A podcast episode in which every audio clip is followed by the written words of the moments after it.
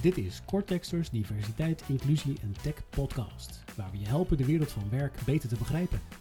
We brengen je gesprekken en achtergronden op het snijvlak van arbeidsmarkt, maatschappelijke participatie en technologie. Welkom bij het eerste seizoen. Ik ben je host, Michiel van Bodegom. In deze aflevering Jamila El Mourabet. Zij is consultant diversiteit en inclusie en executive coach met haar eigen bedrijf Inclusionair.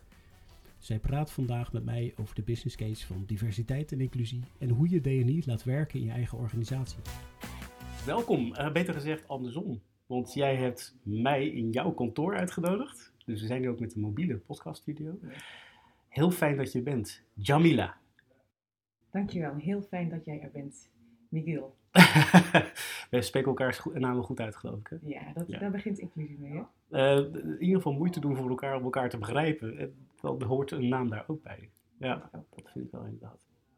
Uh, wij gaan zo praten ook over diversiteit en inclusie. Vooral jouw praktijk, jouw interpretatie daarvan. Je hebt een bedrijf waarmee je ook focust op diversiteit en inclusie.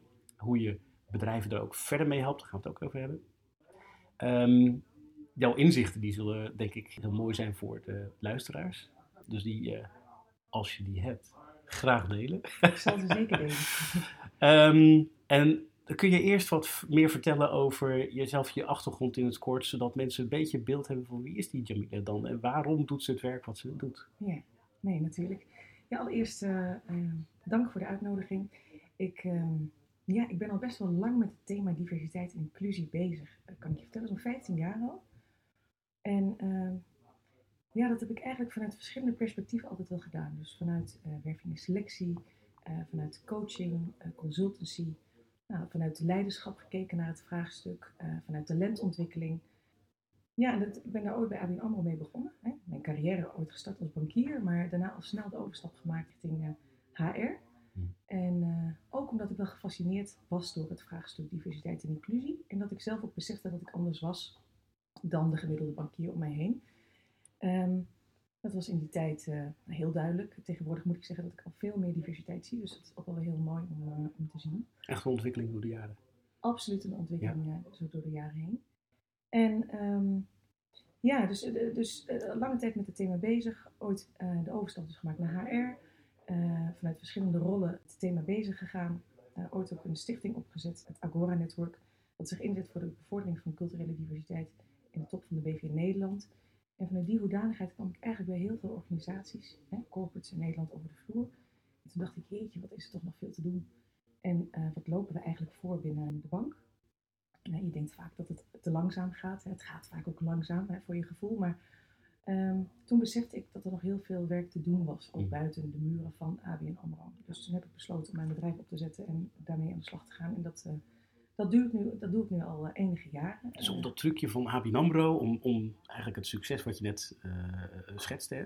Je, bent, je was er niet meer een van de mensen die uh, buiten het beeld vielen. Ja. Dat is een van de meerdere ja. geworden. Dat is een succes. Ja. Om dat te kopiëren naar andere bedrijven.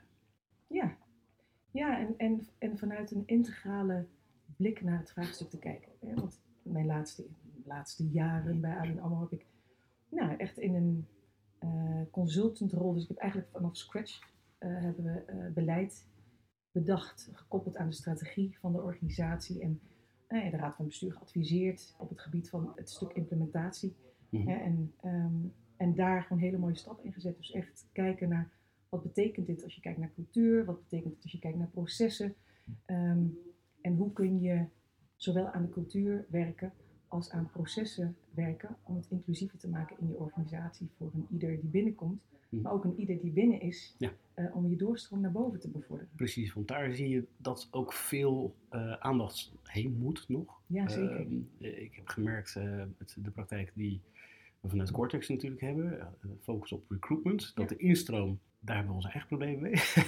maar die is nog enigszins te organiseren. Ja? Dat daar meer inclusie in, in komt.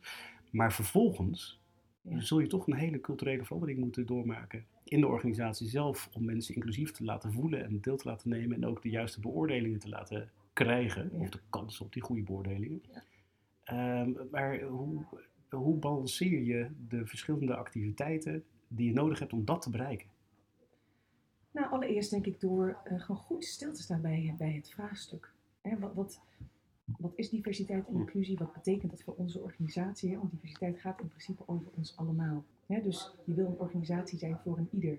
En vervolgens kijk je, mensen wil ik extra aandacht besteden, omdat ik zie dat die diversiteit nog niet vertegenwoordigd is in mijn organisatie. Kunnen we ietsje daarop inzoomen? Hè? Want je zegt, eh, diversiteit, het- is voor een ieder. Dat klinkt nog niet helemaal als een definitie. Hè? Want eh, je wil niet een ieder in je organisatie hebben. Eh, je wil een bepaald soort mens misschien wel in je organisatie hebben. skills en vaardigheden. Recruitment die is gewend om te selecteren op basis van bepaalde criteria. Dus hoe zorg je ervoor dat dit op een eerlijke manier gebeurt? En dat je niet op onheuse criteria gaat beoordelen. Op onheuse criteria mensen een carrière laat doormaken. Nou, wat je vaak ziet is dat we ja, toch, en het komt heel voorbij, maar dat we klonen. Hè? We klonen. Kijk, Vaak kijken we, hoe ziet onze organisatie eruit? Eh, iemand gaat weg en vervolgens zoeken we vaak eigenlijk ongeveer hetzelfde als wat we al hadden rondlopen. En dat is heel veilig, hè? want we weten vaak eh, nou, dat, dat dat goed werkt. Eh, en als je afwijkt van dat plaatje, dan wordt het verdomd lastig. Hè? Dus wat je ziet is in werving en selectie. Ja, we denken vaak dat we heel objectief zijn in selectie. In de praktijk is het natuurlijk ontzettend subjectief. Hè? Er zit ontzettend veel bias in je werving- en selectieproces. Dat begint al als je kijkt naar ja, arbeidsmarktcommunicatie, dus vaak uitingen eh, die organisaties doen. Doelgroep of kanalen die worden aangeboord om eh, talenten binnen te halen. Hm. Zijn vaak ook niet heel inclusief of breed voor een bredere groep. En vervolgens zit je aan tafel en dan zie je vaak dat we heel vaak gaan voor de, voor de klik. Eh, en heel vaak op basis van onderbuikgevoel denken van nou, deze kandidaat wordt het wel. Eh, ik sprak van de week nog een kandidaat die zei ja, ik werd niet aangenomen omdat ik uit Tilburg kwam. Maar dat hadden ze van tevoren ook wel kunnen zien. Het was een eh, Marokkaanse jongeman. En ik wil niet meteen een kaart trekken, maar nou, als dan wordt gekozen tussen twee eh, mensen, en dat was een, een Hollandse jongeman en een Nederlandse jongeman met een, met een Marokkaanse achtergrond. Mhm. Die Marokkaanse jongeman, die kreeg bij zijn afwijzing de feedback dat, omdat hij uit Tilburg kwam, dat ze toch niet voor hem hebben gekozen. Ja. Ja, eh, en dan kan het, ik kan me voorstellen dat een klik voor heel veel mensen belangrijk is. Maar als je puur objectief kijkt naar wat de skills zijn die je nodig hebt in je organisatie, in je team, dat je als je dat van tevoren concreet maakt, ehm, als je zorgt dat je dat op een eenduidige manier uitvraagt bij, eh, bij de sollicitanten en vervolgens gaat ranken en je echt houdt aan een vaste structuur voor alle sollicitanten, dat je tot een andere uitkomst komt in veel gevallen dan wanneer je het uit de losse pols doet. dat onderbuikgevoel dus waar je naar refereert. En misschien ook wel de blauwe ogen, de klik, het gevoel. Ja. Want dat zijn toch eigenlijk allemaal eh, onbewuste vooroordelen die Ja. wij allemaal hebben. Dat is heel menselijk. Hè? Dat eh, Ik heb volgens mij een keer een eh, artikel gelezen, of het, misschien was het een boek, ik weet het niet meer. Ik weet ook niet meer wie de auteur was. En die had het erover dat het ons goed gediend heeft, dit gedrag. Ehm, maar dat was wel in de tijd dat we nog met speren gooiden. Eh, en in deze moderne maatschappij hebben we niet zoveel speren meer, maar wel heel veel andere zaken waar we mee bezig zijn. Ja. En dat het ons een stuk minder dient. Althans, het dient ons af en toe wel, maar het heeft bijeffecten. Ehm, onbewuste vooroordelen. Direct iets in een hokje stoppen. Dat gaat voorbij eigenlijk aan het individu en de mens. De wensen, de dromen, maar ook datgene wat hij in het verleden heeft meegemaakt en geleerd heeft. Exact. Wat hij dus allemaal kan brengen als een soort van pakketje naar jouw organisatie. Ja. Het cadeautje wat je alleen hoeft uit te pakken. Moet je wel weten dat het een cadeautje is. Moet je, wel, we- je moet het wel als een cadeautje zien, inderdaad. En, en daar zit vaak eh, de angst. De angst om te falen, de angst om voor hetgeen te gaan wat anders is. Ja. Eh, terwijl als je kijkt wat het toevoegt, wat het kan toevoegen, hè, dus, vanuit, dus vanuit de positieve invalshoek naar het vraagstuk kijken, dan kan het juist van meerwaarde zijn voor je team. En daar zit ook de kracht van diversiteit. En wat is die meerwaarde voor jou? Eh, en die meerwaarde kan zijn allereerst een ander perspectief brengen in de discussie, in eh, besluitvorming. Dat je, ik denk in de, in de complexe wereld waarin we vandaag de dag leven, dat het Hm. ontzettend belangrijk is dat je verschillende perspectieven aan tafel hebt, verschillende geluiden hoort om te kunnen innoveren, om die vraagstukken te kunnen oplossen. Hm. Eh, en ik denk dat heel veel organisaties daar eh, de mist in gaan. Dat we vaak een eenduidige blik hebben, wat natuurlijk heel fijn is, eh, want het schakelt, eh, het schakelt makkelijk. Het voelt ook vertrouwd. We hebben het gevoel dat we snel tot besluitvorming komen met elkaar. Maar is dat het juiste besluit?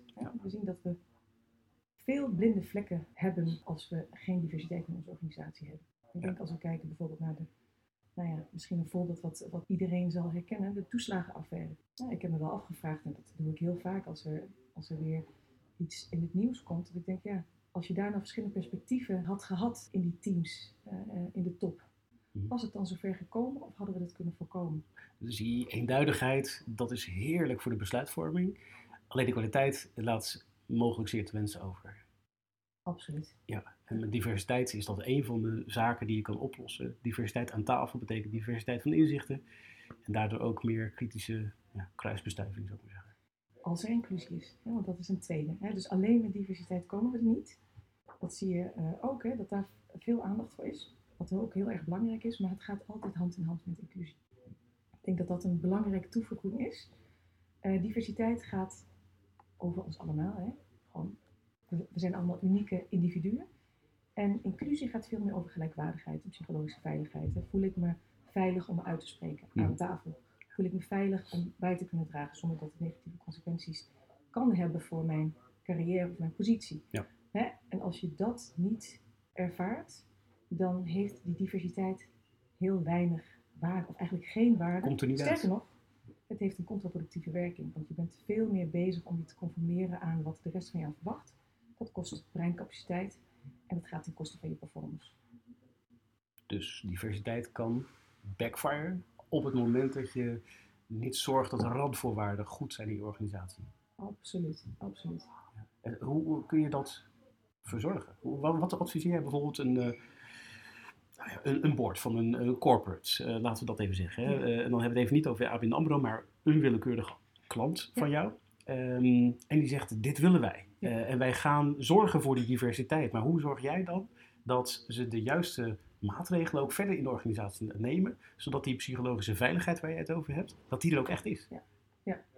Ja, wat ik, wat ik daar doe is, dan ga ik in gesprek, dan zeggen ze, nou, dat, dat willen we. Dan zeg ik, nou, waarom wil je dat dan? Wat voegt het dan toe aan je organisatie? Daar, dat is eigenlijk al de eerste, de eerste vraag die ik ze stel. En vervolgens zeg ik, ja, hè, diversiteit is een heel breed begrip. Wat betekent dat nou voor jouw organisatie? En welke vormen van diversiteit zou je willen toevoegen? Zou je meer willen zien in je organisatie? Hm. Eh, of zou je meer aandacht aan willen besteden?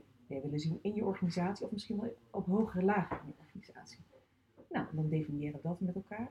En dan zeg ik, nou, als we dan kijken naar, naar, ehm, eh, naar, naar deze vorm van diversiteit, dat kan zijn, eh, gaan over vrouwen of mensen met verschillende culturele achtergronden of introverte mensen, dat kan van alles zijn. Mensen met een arbeidsbeperking, dus dat, dat kan heel breed zijn, maar daar wel een focus definiëren. Ik denk dat dat heel belangrijk is, want anders doe je uiteindelijk niks. Dus stap 1, Stap focus. 1, focus, absoluut. Vervolgens kijken we met elkaar, eh, als we nou kijken naar deze groepen die we hebben gedefinieerd, ehm, waar staan we dan? Dus waar staan we? Dat doen we vaak zowel kwalitatief als kwantitatieve analyses. Dus gaan we echt even diepte in en kijken wat is de status quo. Hm. Dus daar, waar staan we, waar kunnen we, waar, waar kunnen we data verzamelen? Eh, we gaan in gesprek met, eh, met, met medewerkers. We vragen ook wat de ervaring van, van de medewerkers is. Vervolgens verzamelen we dat en dan hebben we, nou, dan deel ik die data met, met de, de board. En dan zeg ik, nou, dit is de status quo. Mhm. Wat vinden we daar nog van? En wat willen we hiermee? Oké, dus eh, eh, laten we even stap 2 definiëren. Dat Ja. is eigenlijk het verzamelen van data. Dus Ja. data-gedreven beslissingen willen nemen. Ja. Derde stap is dat je dat wel dan doet langs eh, ja, de zienswijzen die er zijn. Hè, van wat vinden we van die data, wat willen we daarmee? Ja. Is dat een goede parafrase zo? Ja, zeker. Dus dat is die stap 3 eigenlijk. Dat is stap drie. Heel mooi. En dan vervolgens hebben we die data, nou daar, daar vinden we dan wat van. Daar willen we iets mee. Dus we gaan op basis van die data ook een ambitie definiëren. En daar Mhm. willen we naartoe groeien. Nou, dat proberen we ook zo concreet te maken. Dat- is, dat is stap vier. En vervolgens kijken we, oké, wat betekent dat dan voor twee dingen? Wat betekent dat voor cultuur? En wat betekent dat voor processen? Dus welke, eh, welke rol hebben we daar als, eh, als, als board in? Welke rol vraagt dat van onze managers? Welke rol heeft de daarin? De communicatieafdeling, de strategieafdeling, et cetera. Dus we Mhm. kijken wat hebben we te doen op het gebied van cultuur en wat hebben we te nodig op het gebied van processen. Dus welke processen raakt het? Dus Mhm. eigenlijk van je instroom, je retentie- en doorstroomproces tot je uitstroomproces. Dus we kijken vervolgens ook naar, naar de processen. Eén, die gaan we analyseren. We kijken hoe ziet, hoe ziet bijvoorbeeld het recruitmentproces eruit, hoe ziet het beoordelingsproces eruit, hoe, ziet de communicatie eruit? Hè? Dus wat, wat is het onderdeel van de communicatiestrategie? Hmm. Hoe inclusief communiceren wij, intern maar ook extern? hoe ziet je ex- exitproces eruit? Nou, en daar zitten nog heel veel processen eh, tussen. Voor elke organisatie is dat weer anders. Ehm, dan kijken we, wat kunnen we nou doen? Wat kunnen we veranderen in processen om die processen inclusiever te maken? dus je- om het eerlijkere processen te Je maken. knipt ze allemaal eigenlijk op en Ja. kijkt per proces wat kan ik daar dan in verbeteren. Ja. En dat doen we met de mensen die ermee bezig gaan in de organisatie. Eh, vervolgens kijken we, eh, en dan hebben we processen gehad, dan kijken we naar cultuur. En cultuur is natuurlijk heel groot en heel erg lastig te veranderen. Dus daar, daarin heeft de top een ongelooflijk belangrijke functie. Dus als we hier echt voor staan, wat is onze rol? Hoe kunnen wij het als board actief uitdragen? Wij moeten hier iets van vinden met elkaar. Hoe dragen we het actief uit? Niet alleen tijdens een eh, diversiteitsevent, maar eigenlijk altijd. En zoveel mogelijk. Hè? Dus daar, waar vind je haakjes waar je inclusiviteit kunt benadrukken, waar je het belang van diversiteit kunt benadrukken. Dus, Dus- altijd zeg je, hè? dus het is niet alleen in de operationele processen, dat is Nee. niet alleen, ehm, laten we zeggen, het PR-circus, de interne communicatie, eh, het op een podium staan en verkondigen van een, Ja. een boodschap eh, in lijn met de stra- nieuwe strategie. Dat is voorbeeldgedrag. Eh, eh, wat, zijn, wat zijn nog meer grote dingen die je daaronder verstaat?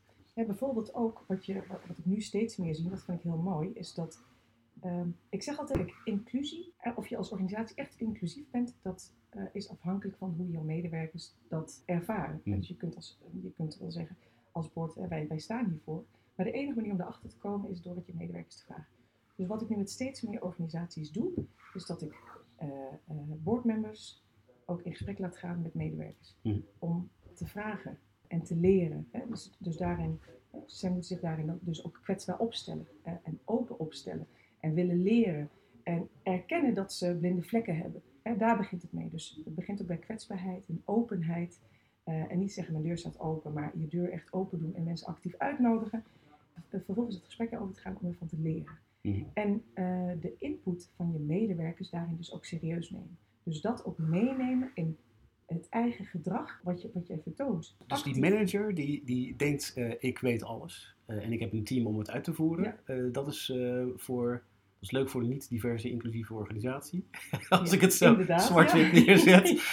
Ehm, Maar dat is niet het soort gedrag wat dus bijdraagt aan diversiteit en inclusie, als ik jou goed begrijp. Nee, dus echt openheid, kwetsbaar opstellen, eh, eh, open zijn, eh, een mentor zoeken. We zeggen heel vaak tegen mensen die uit diversiteitsdoelgroepen komen, zoek een mentor. Doe ik ook, want ik vind het heel waardevol. Maar het mooie van mentorship vind ik het wederkerig geleerd traject. Dus als boardmember of als manager kun je weer ontzettend veel leren van een medewerker die weer heel anders is dan jij zelf bent. Mhm. Ehm, en als je vervolgens ehm, nou, wat verder in het proces bent, kan het ook veranderen in sponsorship. Ja. Dus dat jij, ook, dat jij zo iemand ook echt gaat promoten eh, als, als die persoon er niet bij is. Nou, weet je, dan, heb je, dan doe je het hartstikke goed. Maar, maar dus ook een mentor, zelf een mentor zoeken in de organisatie en leren. Eh, dus niet alleen uit boeken, maar ook door verhalen. En daar vervolgens dus actief iets mee doen. En ik denk die laatste stap, dus we zijn eigenlijk heel goed in het gesprek aangaan. En vervolgens ook, wat ik net vertelde over, nou, ik noem het inclusiedialogen, eh, is op basis van die inclusiedialogen vervolgens de vertaling maken naar, oké, dit is wat we hebben opgehaald. Nou, dat verzamel ik dan en op basis daarvan conclusie en aanbeveling zeg ik, nou, eh, en wat, wat willen we hier dan mee? Dit is wat, wat, eh, waar, waar mensen bijvoorbeeld tegenaan lopen, wat ze anders zouden willen zien. Hoe kunnen we dit nou vertalen naar concrete interventies om inclusiever te worden? Wat is jouw rol als boardmember daarin? En wat kunnen we daar nog meer, wat vraagt het nog meer van onze organisatie? Confronterend. Ja, het is confronterend, maar dat is de enige manier om te leren. Dat is de enige manier om te leren en om te groeien. Eh, want zolang we heel comfortabel blijven, eh, doen we nog niet genoeg. Eh, dat is een mooi woord wat je daar gebruikt, hè? comfortabel. Want ehm, nu, kennen we allebei de, de onderzoeken. We hadden het in het voorgesprek eh, daar ook al even over. Dat ehm, er een soort van watervalletje is. Waarbij je kan zeggen van diversiteit en inclusie zorgt voor betere besluitvorming. Betere besluitvorming zorgt voor uiteindelijk betere producten en dienstverlening. Die producten en diensten die zorgen er vervolgens voor dat je een voorsprong neemt op je concurrentie. En uiteindelijk heb je daardoor keihard, bottom line, meer omzet. Ja. Nou, McKinsey roept er zelfs een percentage over, geloof ik. Er zijn zo andere, eh, zowel consultants als onderzoeksbureaus, die eigenlijk het, dezelfde waterval hanteren en zeggen van ja, dit, dit draagt bij. Dat hoor ik jou nu eigenlijk in, in een eh, beperkte vorm ook zeggen. Hè, van, joh, je moet iets doen om uit die comfortzone te gaan. Want de comfort die voel je voor het hier en nu. Ja. Niet voor je concurrentiepositie van de toekomst. Want die concurrent die zit ook niet stil. Ja. Ehm, dus je moet bewegen. Maar dat, dat wenkend perspectief, laat ik het zo noemen. Is dat voldoende duidelijk bij de mensen die jij spreekt? Dat ze daarnaar moeten kijken en niet het, eh, moeten uitgaan van het comfort wat ze op dit moment hebben. Nou, dat, is een, eh, dat vind ik een hele mooie vraag. En die onderzoeken die, eh, ja, er zijn, het is- nou, McKinsey doet er al ruim tien jaar onderzoek naar en, en Catalyst ook al. En er zijn ontzettend veel onderzoeken die dat uitwijzen. Maar wat je ziet, en, en natuurlijk die onderzoeken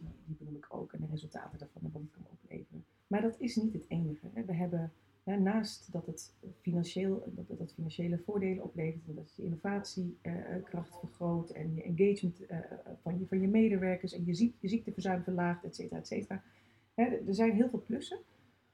Maar zolang we de urgentie nog niet echt voelen en denken van nou, het gaat eigenlijk toch goed zoals het, eh, zoals het is, Ja. ehm, is die heel erg lastig. Hè? Dus rationeel begrijp ik het heel goed.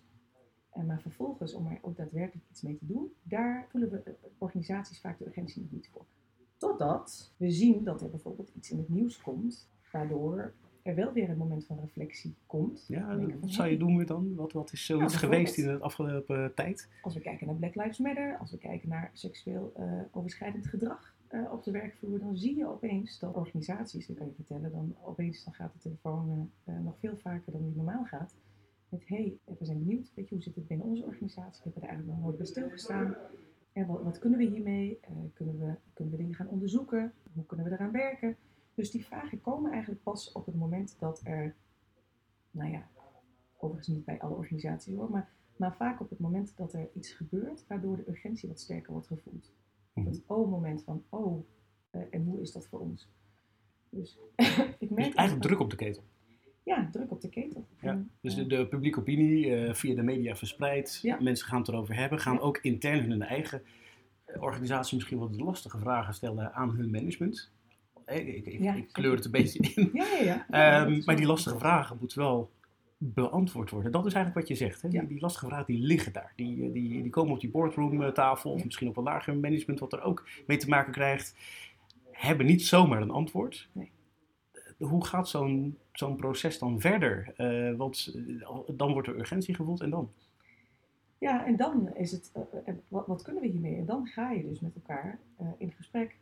en dan begin je eigenlijk gewoon weer bij het begin. Hè? Want we Ja. zitten al heel snel dat we denken, oh ja, en wat moeten we dan doen?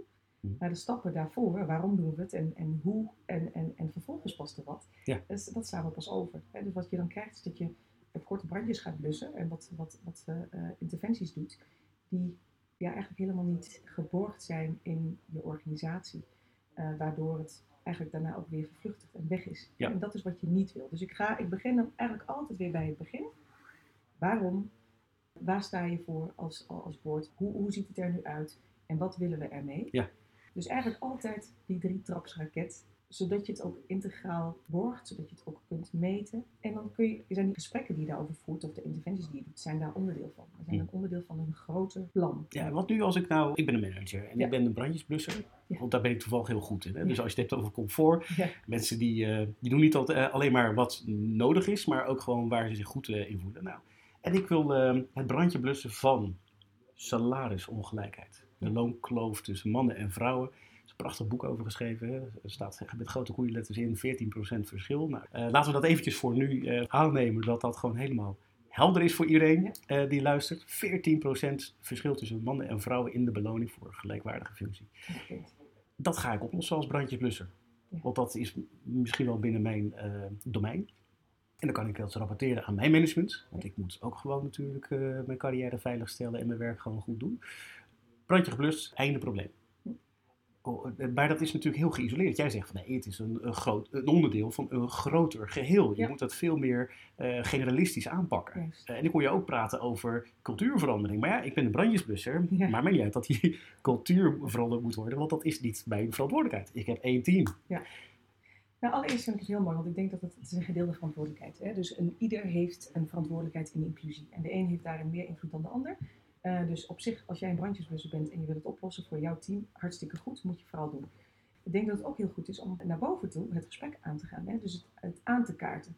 En dan kom je eigenlijk weer bij het commitment, hè, als je hebt over echt leiderschap en echt ergens voor staan, hè, wat eigenlijk het belangrijkste vertrekpunt is om hiermee aan de slag te gaan, is dat je, eh, dat je bespreekbaar maakt en vervolgens als board ook kijkt, oké, en hoe ziet er, dit er dan weer uit in onze organisatie? Betalen wij de mannen en vrouwen gelijk in onze organisatie? En hoe zit dat dan? Dus onderzoek dat. Nou, die onderzoeken doen wij ook. En toevallig ook met de schrijver van het mooie boek Waarom vrouwen minder verdienen, uh, Sophie van Gool. Uh, fantastisch boek. Ik zou het echt iedereen aanraden. En in deze podcast komt binnenkort ook haar partner in crime. We gaan daar nog veel meer uh, op, uh, op door. Maar heerlijk dat het uh, wereldje zo, zo klein is en dat, het, dat we elkaar ook opzoeken. Ja, ik denk heel goed. Hè? Dus, en, en, daarin ook, als je het hebt over diversiteit, gaat over elkaars krachten benutten.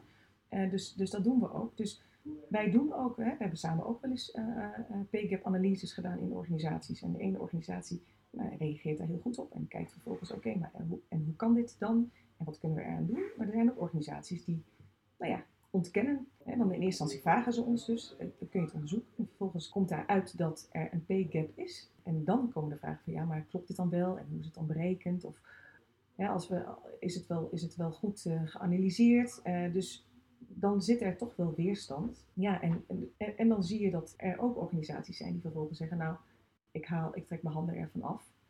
Hier doen we nu niks mee. Maar er zijn ook organisaties die zeggen van hé, hey, als we daar nou wat dieper op ingaan, waar ligt het dan aan? dus als we ook kijken, komen mensen op een lager niveau binnen? Of mhm. stromen mensen minder snel door? dus maken ze minder snel promoties? En hoe zit dat dan met promoties? dus er zijn hele dashboards die, uh, die ondertussen ontwikkeld zijn om dat ook te blijven monitoren. er zijn organisaties die Equal Pay ook echt als KPI hebben opgenomen in, uh, in hun uh, DNI-strategie. Mm -hmm. dus je hebt het elk jaar weer meten en kijken van hey, hoe, staan we, hoe staan we ervoor? Is het nog gelijk of niet? Dus we zien daarin verschuivingen. En natuurlijk komt er straks ook wetgeving aan. Overigens is er al, hè, ongelijke beloning is bij wet verboden, al lange tijd. -hmm. Um, maar je ziet dat het nog steeds bestaat. Maar je ziet dat het nog steeds bestaat. En we hebben het hier nu over gender. Maar je ziet dat bij mensen met migratieachtergrond uh, uh, is dat vraagstuk ook nog steeds aanwezig. En uh, is er ook nog steeds ongelijke beloning. CBS heeft daar een onderzoek naar gedaan. En je ziet dat ook daar... Het is gewoon aantoonbaar. Aantoonbaar ongelijke beloning ja. in het spel is bij veel organisaties. Juist. En dat zijn de harde cijfers. Ja. En we hebben harde wetgeving. Er staan sancties op. Ja. maar die harde cijfers die bewegen niet. Nee. Um, nu komt er ook nog een nieuwe uh, wetgeving aan. Ja. Uh, die kijkt dan vooral in de arbeidsmarktbemiddeling naar antidiscriminatiemaatregelen. Ja. En die moet je al nemen um, op het moment dat je een bedrijf hebt van, uit hoofd gezegd, 25 uh, medewerkers of groter. Ja. Nou, Nederland, maak je borst maar nat. Welke organisatie is dat eigenlijk niet? Dus dat betekent dat je moet gaan aantonen straks in welke processen heb je wat gedaan om discriminatie te voorkomen. Ja. Gaat deze ja, meer operationele wetgeving, om het even zo te zeggen, gaat dat een betere invulling dan geven aan de wetgeving die we al hadden? Nou, dat is een goede vraag. Nou, ik denk dat elke stok soms misschien wel nodig is ook in dit, uh, in, in, in, dit vraagstuk, omdat het heel complex is. En, en ik geloof dat vanaf 1957 is er al wetgeving als je kijkt naar ongelijke beloning en het is, we hebben het nog steeds niet op orde. Ja, dus organisaties komen er nog steeds mee weg. Mhm. Om, terugkomen op, om terug te komen op jouw vraag, helpt die wetgeving? Uh, ik denk dat het helpt als zaken transparanter worden. Hè? Dus op het moment dat jij je als organisatie niet houdt aan, of niet werkt aan uh, antidiscriminatiebeleid, Mhm. Dat het goed is dat het zichtbaar wordt. Hè? Dus dat, dat uh, wetgeving het ook transparanter maakt. Ja, en ook door discussie natuurlijk. Hè? Want eh, in die, dat wetsvoorstel, eh, in de huidige versie zoals die nu voor ligt, staat niet een hele duidelijke norm. Eh, Je Nee. moet ongeveer dit doen binnen deze kaders en dan heb je het juist gedaan, meneer of mevrouw. Ja. En dat betekent dat je nu ook ziet dat er discussie loskomt eh, in het veld zelf. Ik vermoed dat de wetgever dat, eh, dat eh, zelf ook bedoeld heeft. Hè. Eerst hebben ze het overgelaten aan de markt. De markt kwam niet met de juiste antwoorden. Dus zeggen ze, nou, dan gaan we een wet voorbereiden om dit af te dwingen. Eh, maar laten we zoveel ruimte nog in dat we alsnog eigenlijk die discussie in de markt forceren. Ja. De- voel je dat ook zo, dat dit de bedoeling is geweest? Ja, ik denk dat enerzijds denk ik dat het, dat het zeker zo is. En, en dat het ook goed is, hè, dat, is dat de discussie losmaakt. Anderzijds denk ik, eh, binnen de overheid is het heel goed dat we met wetgeving komen. Maar binnen de overheid is ook nog heel veel te doen op het gebied van diversiteit en inclusie. Dus je kunt het van organisaties vragen, maar je moet het als, uh, zelf als overheid ook op orde hebben. Ja. En ik denk dat daarin, nou, dat, het, dat, dat daar ook nog heel veel te winnen is. En ja, dat je misschien ook niet altijd een hele sterke positie hebt als overheid om dit te eisen van organisaties als je het zelf niet goed op orde hebt. Ja, dus, ik de zou- voorbeeldfunctie eigenlijk waar we net over hadden, van Ja. hè, die, die corporate met een board die ook gewoon ju- de juiste dingen moet eh, zeggen, maar vooral ook laten zien. zien. Ja, En dat zeg je eigenlijk ook voor die overheid. Van, eh, het is Absoluut. goed dat je wetgeving maakt, hè, eh, lieve Tweede en Eerste Kamer, fantastisch als dat er doorheen komt. Ja. Maar, eh, practice what you preach. Dus dat betekent ook aan de ministeries en de hoge colleges van staat en, eh, en de agentschap en dergelijke, Ja. de, de opdracht om datgene te doen wat ze ook verlangen voor rest. Absoluut. Ja, dus, dus dat is één. En daarnaast denk ik dus dat transparantie ook echt een sleutel is om hier mee aan de slag te gaan. Of dat nou vanuit de overheid, of dat er, eh, dat er andere instellingen zijn die dat gaan meten, die het gaan monitoren, Ja. eh, die lijstjes bijhouden. Ja, het klinkt heel kinderachtig, maar toch hebben we dat ook nodig voor, eh, voor de verandering. Die grafiek moet omhoog. Die grafiek moet zeker omhoog. En je ziet dat bijvoorbeeld, hè, als we kijken naar nou, Talent naar de Top, is, is zo'n is zo'n organisatie, is een stichting die zich inzet voor de bevordering van zowel vrouwen als mensen met een migratieachtergrond in de top van het bedrijfsleven. En wat je ziet, hè, ze zijn ooit begonnen met vrouwen, nu sinds kort ook met culturele diversiteit, is iets ingewikkelder te meten, maar er zijn organisaties die dat al wel doen. En wat je ziet, eh, als je kijkt naar de doorstroom van vrouwen in de subtop- en topposities van de aangesloten organisaties, is die significant hoger dan organisaties die niet aangesloten zijn. Wat je als organisatie moet doen, is dat je gewoon aangeeft, en dit is mijn ambitie, dit is waar ik naartoe wil groeien. Als je Hm. kijkt naar de subtop als je kijkt naar de top, dit is mijn meerjarenambitie. En dat je elk jaar laat zien wat je groei is geweest en dat je elk jaar laat zien wat je hebt gedaan om tot die groei te komen. En door het transparant te maken, hè, dus elk jaar komt er een rapport uit, dan kun je zien van, nou, weet je, hoe doe ik het ten opzichte van de benchmark. Dat helpt dus om mee aan de slag te gaan. Ja. Dan kun je zeggen, ja, het is dan van buiten naar binnen. Maar die spiegel voorhouden. Ja. Die spiegel is toch nodig.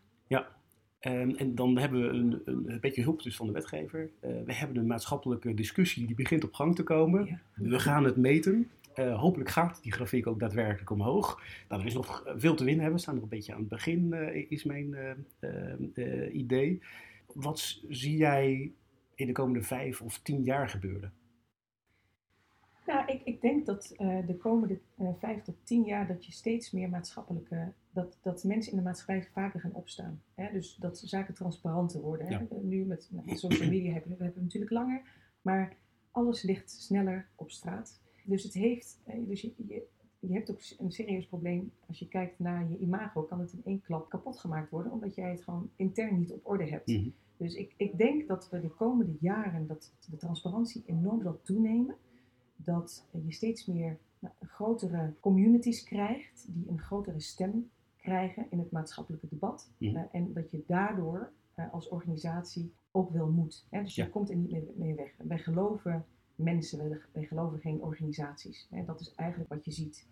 Eh, dus ik denk dat dat zal toenemen en dat de consequenties dus ook, op het moment dat je er niet mee eh, bezig gaat, dat de consequenties groter worden. En je ziet dat nu bijvoorbeeld als we kijken naar Nederland. En Mark Overmars is daar een eh, voorbeeld van. Je kunt als organisatie niet meer alles onder het tapijt wegmoffelen. Ja. Dat kan niet meer. Het heeft consequenties. En op het moment dat we daarin als leiders voorbeeldgedrag laten zien en ons laten horen en echt staan voor inclusie, voor gelijkwaardigheid, een veilig werkklimaat en die diversiteit, dan is dat ook een signaal naar andere mensen in de organisatie. Ja, en, en dit is iets waar ik nog heel even met jou op door wil, als het mag. Ja, natuurlijk. Want het heeft, het heeft ook een andere kant. Hè? Als wij als maatschappij op een gegeven moment een, eh, een, een hetze starten, hè? Dus, eh, dat, dat eh, is vaak terecht. Maar soms proberen wij iemand te lynchen. Bijvoorbeeld in een politievakbond. Die man die is tijdelijk om non-actief gezet. Is onderzoek naar gedaan. En dat bleek eigenlijk van de eh, aantijgingen niet zoveel waar te zijn. Maar in dit geval ook weer, waar rook is, is vuur. Er was wel iets anders aan de hand. Dus er is wel een traject ingezet. Ja. Voor in dit geval eh, leiderschapsverbetering, cultuurverbetering. Nou, dus er waren een aantal, een aantal zaken. Ja, als je het hebt over psychologische veiligheid, die was te ver te zoeken. Ja. Alleen het had niks met seksuele intimidatie of iets van die aard eh, te maken. Dit is collateral damage, zeg ik dan eventjes. Maar hoe kunnen we die collateral damage nou beperken? Dat, dat is het, ehm, de discussie die volgens ons allebei heel goed is om maatschappelijk te voeren, dat dat niet een backfire wordt. Ja, uh, dat is een hele goede vraag. En ik denk dat we, uh, dit was inderdaad, uh, de, waar rook is, is vuur, daar, daar, was wel wat aan de hand. Nou, misschien was het niet naar boven gekomen als onderzoek niet was gestart. Hè? Dus het, het, heeft zeker iets losgemaakt en iets blootgelegd. Maar ik denk, dat, dat is de ene kant op. En als je kijkt naar de andere kant, wat er in organisaties gebeurt, hè, wat nog onzichtbaar is, als je kijkt naar veel minderheidsgroepen in organisaties, dan nou, als die beerput open gaat, dan uh, nou, daar, daar is echt heel. Daar is, er is nog veel meer, wil je daar, zeggen? Daar is nog veel meer. Dus We hebben nog lang niet het, uh, het, allemaal gezien. We hebben het nog lang niet allemaal gezien. Ehm, dus ja, klinkt misschien een beetje gek als ik dit zo zeg, maar soms is dit. En ik, nee, nogmaals, ik, het is het, had niet zo mogen zijn. En toch is het voor die beste man natuurlijk een, een, een, triest verhaal. Maar zo zijn er nog heel veel verhalen te vertellen. Mm. En, en, heb ik door de jaren heen heel veel verhalen gehoord nou, die echt onacceptabel, onmenselijk zijn. en het gebeurt nog steeds hè, in 2022. Hè. Dus daarin ook, laten we transparant zijn. laten we luisteren naar elkaar. Laten we met elkaar in gesprek gaan. We leven allemaal, zoals Rob Wijnberg ooit zei, vond ik heel mooi. En we leven allemaal in dezelfde wereld en tegelijkertijd op totaal verschillende planeten. En we vinden allemaal zo ontzettend veel van elkaar. Terwijl als we veel meer de verbinding opzoeken, het gesprek met elkaar aangaan op een respectvolle manier. En niet dat we alles maar kunnen roepen, maar met respect met elkaar blijven praten. En met respect met elkaar blijven discussiëren. We hoeven niet met elkaar eens te zijn. Dat is de kracht van diversiteit. Uh, maar laat het alsjeblieft gebeuren. In plaats van dat we vanuit een nou, vanuit, van, van, vanaf een beeldscherm of uh, vanuit een, een, een, een, ivoren toren van alles gaan vinden mm -hmm. over mensen die we eigenlijk helemaal niet kennen of waar we nog heel weinig weten van hebben. Ja. En ik hoorde jou eigenlijk een, net al een toevoeging doen op datgene wat Rob Wijnberg van de correspondent al kennelijk gezegd heeft. Uh, en dat is dat je het, de, het debat moet voeden met feiten ja. Uh, en juist vooroordelen moet zien te voorkomen. Ja, en, en vooroordelen voorkomen, ja, dat is gewoon heel, dat is heel lastig, maar je, kan ze wel, je kunt ze wel reduceren. Hè? Dus ja. we, we, blijven mensen, mm -hmm. hè? dus die vooroordelen die zullen er altijd blijven. Um, maar je kunt het reduceren. Dus je ja. kunt jezelf daar veel meer op uitdagen. En dat is door verschillende perspectieven actief uit te nodigen. En je daarin kwetsbaar op te stellen, open op te stellen, nieuwsgierig te zijn. En met nieuwsgierigheid kom je, kom je heel ver. En ik geloof dat we dat nou, voor een groot deel een beetje kwijt zijn geraakt. Hè. We willen altijd luisteren om te reageren. Um, en als we nu eens meer ons best zouden doen om echt naar elkaar te luisteren en elkaar actiever ook op te zoeken, uh, dan komen we nader tot elkaar. En dan kunnen we echt met elkaar uh, kunnen we, nou, dit, dit vraagstuk vastpakken en, en, kunnen we aan dit vraagstuk werken. Daar ben ik echt van overtuigd. Dus ik heb de hoop zeker niet opgegeven. Uh, zoals ik al zei, ik ben al 15 jaar met het thema bezig. ik, ik heb altijd nog hoop, uh, ook op een betere toekomst voor de generaties na ons. Maar dat vraagt iets van ons allen. Diversiteit is een feit, inclusie, nou ja, de vraag is of je daar iets mee wil. Dus als je het goed wil benutten, dan, dan, dan zul je daar echt aan moeten werken als organisatie en als maatschappij. Ik vind dit laatste een prachtige oproep voor onze luisteraars. Daar kun je ze gewoon mee op pad sturen. Uh, wees nieuwsgierig. Uh, kijk naar jezelf en heb jouw eigen bijdrage in dit debat, maar ook in je activiteiten. Ik vind het heel mooi. Uh, Dank je wel voor dit gesprek. Ik heb ervan genoten. Ik hoop onze luisteraars ook. En ik weet zeker dat uh, van jou, Jamila, nog heel veel uh, meer gaan zien en horen.